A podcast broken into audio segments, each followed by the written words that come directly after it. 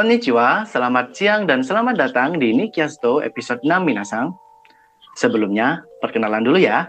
Kenalin, aku Harry dan kali ini kita udah kedatangan guest yang mungkin semua warga Nikoga udah pada tahu nih siapa dia. Oke, jadi pembahasan kita adalah tentang Q&A dengan Ketua Himaprodi Pendidikan Bahasa Jepang Universitas Brawijaya. Nah, tanpa berlama-lama lagi nih, langsung aja yuk kita ngobrol-ngobrol. Halo Afi. Halo. Wah, gimana nih kabarnya Afi? Sehat kan? Alhamdulillah sehat. Alhamdulillah. Nah, sebelumnya aku mau ngucapin terima kasih banyak buat Afi karena sudah berkenan untuk hadir sebagai gue di program Nick Yasto kali ini. Nah, gimana nih perasaannya Afi diundang di podcast? Seneng sih akhirnya suaraku bisa masuk IG Nikoga. Wah, pastinya sedang banget ya. Apalagi ini pertama kalinya buat Afi masuk Nick Yasto. Nah, kalau boleh tahu, selain persiapan kuliah, kesibukannya akhir-akhir ini ngapain aja? Uh, yang jelas di himpunan ya, rapat-rapat kepanitiaan apa segala macam sama uh, untuk satu semester ke depan aku juga ikut uh, program MBKM kampus mengajar dan kebetulan juga uh, penempatannya penempatannya di Malang jadi ya sekalian gitu. Oh, kalau gitu pastinya sibuk banget dong ya. Udah ngurusin hima dan juga bentar lagi mau ospek membawa penjep 21 dan ditambah lagi dengan ikut program kampus mengajar semangat deh buat Afi. Iya, semangat. Oke okay. For your information nih teman-teman, jadi Afi ini adalah Ketua Hima Prodi Pendidikan Bahasa Jepang periode 2020 dan 2021. Dan nama kabinet kita sekarang adalah Kabinet Astra Wiraguna. Betul kan, Vi? Yap, Benar banget. Wah, keren ya. Oke, jadi ini ada beberapa pertanyaan nih, Vi. Oke, yang pertama, coba dong ceritain gimana dan apa aja sih persiapan kamu buat jadi seorang kahim di kabinet Astra Wiraguna ini. Oh ya, sekalian ceritain dong apa sih makna Astra Wiraguna itu sendiri? Oke, uh, tadi gimana cerita dan apa aja persiapan kamu? Kalau aku uh, yang pertama jelas kenapa kemarin mau jadi kahim karena dukungan dari teman-teman.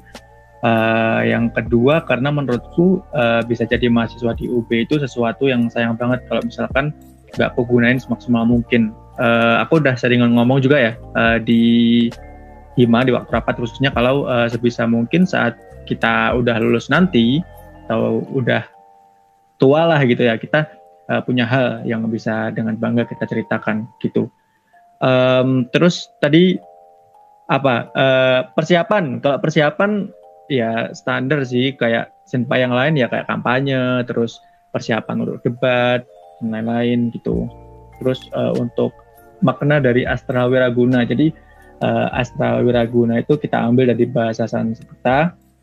Artinya itu berbudi, berguna, dan menimbulkan kemilau. Jadi yang pertama berbudi, attitude jelas itu uh, yang pertama.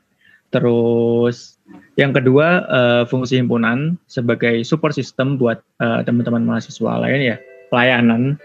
Terus uh, menimbulkan kemilau. Jadi karena uh, kabinet ini juga kan kita dibentuk waktu di tengah-tengah pandemi ya, di tengah-tengah COVID dan sampai sekarang sayangnya juga uh, pandeminya masih ada.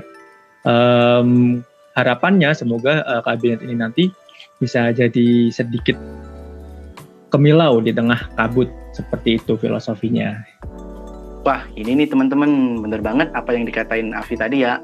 Sayang banget kalau cuma misal kita udah diterima di UB, terus kita itu cuma jadi mahasiswa kupu-kupu gitu. Kuliah pulang, kuliah pulang gitu, itu sayang banget ya. Minimal jadi mahasiswa yang aktif lah. Dan cari banyak-banyak pengalaman tentunya. Dan untuk cerita dan persiapan Afi jadi kahim tadi, mungkin bisa jadi bayangan ya buat para pendengar dan calon-calon kahim di periode jadi, berikutnya nanti. Calon-calon kahim siap-siap. Kemudian untuk makna dari Astra Wiraguna tadi bagus banget sih ya. Intinya uh, di tengah pandemi ini kita bisa berbudi, berguna dan berkilau. Mantap. Oke, selanjutnya Gimana sih cara Avi menyeimbangkan waktu berorganisasi dengan akademik dan mungkin dengan kegiatan-kegiatan kamu yang lain di luar sana? Uh, kalau menurutku uh, bukan ke waktu sih, tapi lebih ke mindset kita ya. Uh, karena aku sendiri juga masih belajar kalau untuk hal ini. Jadi uh, minimal ya saat kelas ya kita fokus kelas, saat organisasi, saat rapat ya kita benar-benar fokus ke rapat, istirahat ya istirahat gitu. Jadi uh, bukan masalah waktu karena sebenarnya menurutku nggak ada kayak kita nggak ada waktu atau yang benar-benar lagi sibuk itu pasti uh, ada waktu satu atau dua jam lah minimal dalam satu hari buat kita pelongo-pelongo. Jadi uh, waktu itu bisa dimanfaatin gitu. Ah, I see. Berarti buat Avi, manajemen pikiran itu penting banget ya, atau bisa disebut dengan mindset. Misal fokus pada kegiatan tertentu, dan juga dalam kegiatan tersebut pastinya ada beberapa jam buat kita refreshing. Oke, kalau dari yang aku tahu, menjadi seorang kahim itu kan dekat ke semua orang, semua angkatan, bahkan dosen juga. Nah, ada nggak sih tips untuk membangun komunikasi dengan senpai, mahasiswa di luar penjep, dan mungkin dosen-dosen yang memiliki jabatan tinggi? Uh, sebenarnya kalau deket lebih ke dituntut untuk bisa berbaur ya, gitu. Jadi uh, yang pertama mungkin untuk dosen uh, kita harus jaga attitude, standar basicnya kayak sebelum kita menghubungi dosen itu salam, terus bagaimana kita memperkenalkan diri, bagaimana kita kalau misalkan kita salah kita mau mengakui dan bisa minta maaf, uh, bagaimana kita berterima kasih itu yang kadang-kadang uh, banyak teman-teman yang kelupaan gitu. Terus yang kedua uh, bagaimanapun uh, posisikan diri kita itu di bawah dosen, uh, unggah-ungguh kalau orang Jawa ngomongnya ya, dan itu uh, juga harus kita pikirkan oh kita mau ngecat ini oh kita butuh ini butuh ini butuh ini kita harus begini tuh uh, udah harus tertanam uh, unggah-ungguhnya gitulah. Terus yang ketiga uh, usahakan kenal sebelum kenal ini. Jadi kalau aku sendiri biasanya kalau sebelum menghubungi dosen atau mungkin ya pihak-pihak yang penting gitu, kadang-kadang aku tanya-tanya dulu uh, kayak beliau ini orangnya gimana sih? Biasanya bisa diganggu di jam berapa sih? Terus uh, cara yang terbaik untuk menghubungi beliau bagaimana sih? Entah mungkin beliau lebih suka langsung ditelepon atau mungkin beliau uh, lebih suka melalui chat, chatnya bagaimana, terus untuk jam-jamnya juga itu tadi, begitu. Terus uh, kalau untuk senpai, uh, lihat-lihat dulu, uh, ini senpai ini satu frekuensi apa enggak sama kita, gitu. Jadi kalau udah satu frekuensi, usahakan jadilah orang orang yang paling curious, orang yang paling penasaran. Uh, Bang Raditya Dika, penulis, pernah bilang kalau orang pinter akan kalah sama orang yang penasaran. Jadi uh, udah ada niat uh, bahwa kita pengen tahu dan dengan pengen, pengen tahu itu uh, aku yakin apa yang kita butuhkan dari senpai, apa yang pengen kita tanyakan itu uh, bisa lebih membangun pikiran kita juga ke depannya. Kalau emang niatnya kita itu benar-benar pengen tahu, bukan sekedar basa-basi doang gitu. Terus untuk mahasiswa di luar penjab itu tergantung substansi sih, tergantung pokok utamanya, tergantung uh, intinya kita uh, apa yang pengen kita komunikasikan dengan mereka. Kalau aku karena kebetulan juga uh, lebih banyak uh, berkomunikasinya itu ya sehubungan dengan himpunan. Jadi uh, memposisikan dirilah bagaimana sebagai perwakilan dari penjab tetapi kalau misalkan di luar himpunan juga ada, jadi diri aku sendiri aja jadi diri kita sendiri aja gitu. Oh jadi harus bisa berbaur ya Vi kalau jadi kahim itu? Iya bener banget. Karena kan uh, ing ngarso sung tulodo, ing madya mangun karso turi hadayani. Jadi di depan kita jadi contoh, di tengah kita membangun dan di belakang kita memberi dorongan gitu. Jadi uh, harus bisa memposisikan diri. Uh, menurutku sebagai orang kahim itu harus kita eh, nggak uh, cuma dikasih satu opsi mau di depan di tengah atau di belakang tapi kita harus bisa ditempatkan di mana pun begitu. Wah ya karena Avi ini juga bisa dibilang uh, perwakilan penjep gitu ya uh, maka harus bisa untuk bagaimana tata cara yang baik buat berkomunikasi dengan baik pada mahasiswa, senpai, dosen maupun mahasiswa luar penjab. Oke, selanjutnya apa proker paling berkesan selama menjabat menjadi kahim? Uh, sebenarnya uh, semua proker ataupun kegiatan pasti punya kesan ya, punya pelajaran dan ngebantu uh, bagaimana pola pikir kita bertumbuh. Tapi uh, yang paling bikin aku belajar selama ini tentang bagaimana uh, nggunain kata beruntung. Dulu uh, aku sering banget menggunakan kata beruntung ini sebagai tempat sembunyi. Yang misal waktu lihat orang lain atau temen yang keren yang temen yang pinter itu kayak ah dia mah beruntung. Dia uh, udah belajar duluan.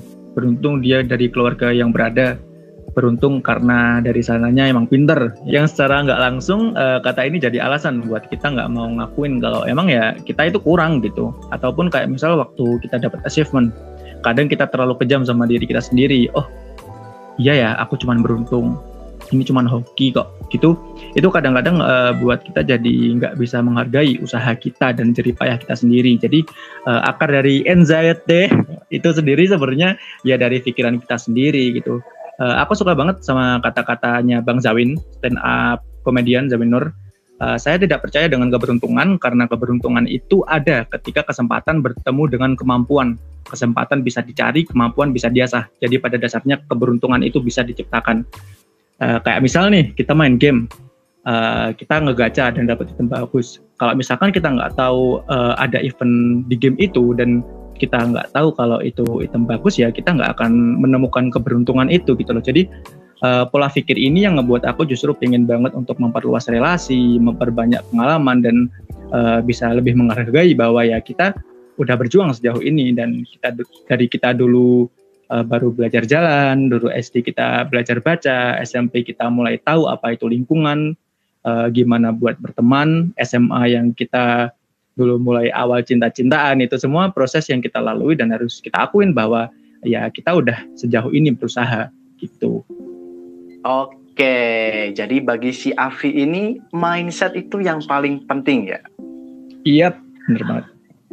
Misal, mindset negatif akan memunculkan pikiran negatif. Sebaliknya, jika mindset itu positif, maka akan menjadi pikiran positif pula. Dan Avi ini juga berpikir semua proker itu ada pelajarannya masing-masing. Dan juga kata-kata dari Kak Zamin itu tadi sangat menginspirasi sekali buat kita ya untuk berusaha mencari keberuntungan kita sendiri melalui kesempatan dan kemampuan yang ada. Oke, selanjutnya nih, boleh nih share tips bagi teman-teman mahasiswa, terutama bagi teman-teman angkatan 2020 dan 2021 agar bisa membangun relasi yang baik dengan maba sekaligus menjadi mahasiswa yang aktif di akademik dan organisasi. This and trick, uh, pesanku ya yang pertama adalah kesempatan yang kalian dapat ini itu kesempatan yang sangat diinginkan oleh banyak orang di luar sana. Jangan sampai uh, karena kita nggak memanfaatkan momen kuliah ini, uh, saat kita tua nanti kita nggak punya kenangan yang bisa jadi cerita seru, bukti bahwa kita pernah ketemu orang-orang keren, orang-orang lucu, uh, ketemu dengan orang-orang aneh yang pasti nanti setelah kita lulus kita bakal pisah ke daerah dan ke jalan masing-masing gitu. Jadi uh, manfaatin waktu yang waktu yang ada. Gunain di dalam mahasiswa kalian dengan sebaik-baiknya. Terus uh, mungkin ini juga yang sering banget ku sampaikan juga di himpunan. Kadang-kadang uh, kita itu takut salah, bukan karena kita sadar karena kesalahan kita atau takut karena kesalahan kita, tapi karena uh, kita itu takut sama omongan orang gitu takut diomongin orang takut dengan pikiran-pikiran negatif. Jadi uh, jangan malu untuk punya kelebihan dan jangan takut untuk punya kekurangan. Manusia itu abu-abu kan ya bukan hitam putih. Jadi uh, gak ada manusia yang 100% sempurna dan gak ada manusia yang 100% buruk gitu. Oke, jadi yang pertama tadi adalah niat ya. Karena kesempatan yang kita dapat ini itu banyak diinginkan oleh orang di luar sana. Jadi kita harus benar-benar bisa memanfaatkannya dengan baik. Nah, Vi, gak kerasa nih kita udah berada di pengunjung acara. Menurut teman-teman gimana nih? Pastinya para pendengar mendapat banyak tips yang bermanfaat juga terkesan dong dari cerita Ketua Hima Prodi kita kali ini. Sekali lagi, aku mau ucapin terima kasih untuk Alfi yang udah mau hadir di Nikasto episode 6 kali ini. Makasih banyak udah cerita soal pengalamannya yang keren banget. Juga terima kasih untuk semua pendengar di mana pun kalian berada yang sudah mendengarkan episode ini. Kalau ada saran atau masukan, atau kalian ada saran nih, siapa gue yang harus kita undang buat episode selanjutnya? Langsung aja kontak kita di Instagram at nikoga.fibub ya. Tentunya jangan lupa follow dan share podcast ini. Aku Heri undur diri. Konnichiwa. Konnichiwa.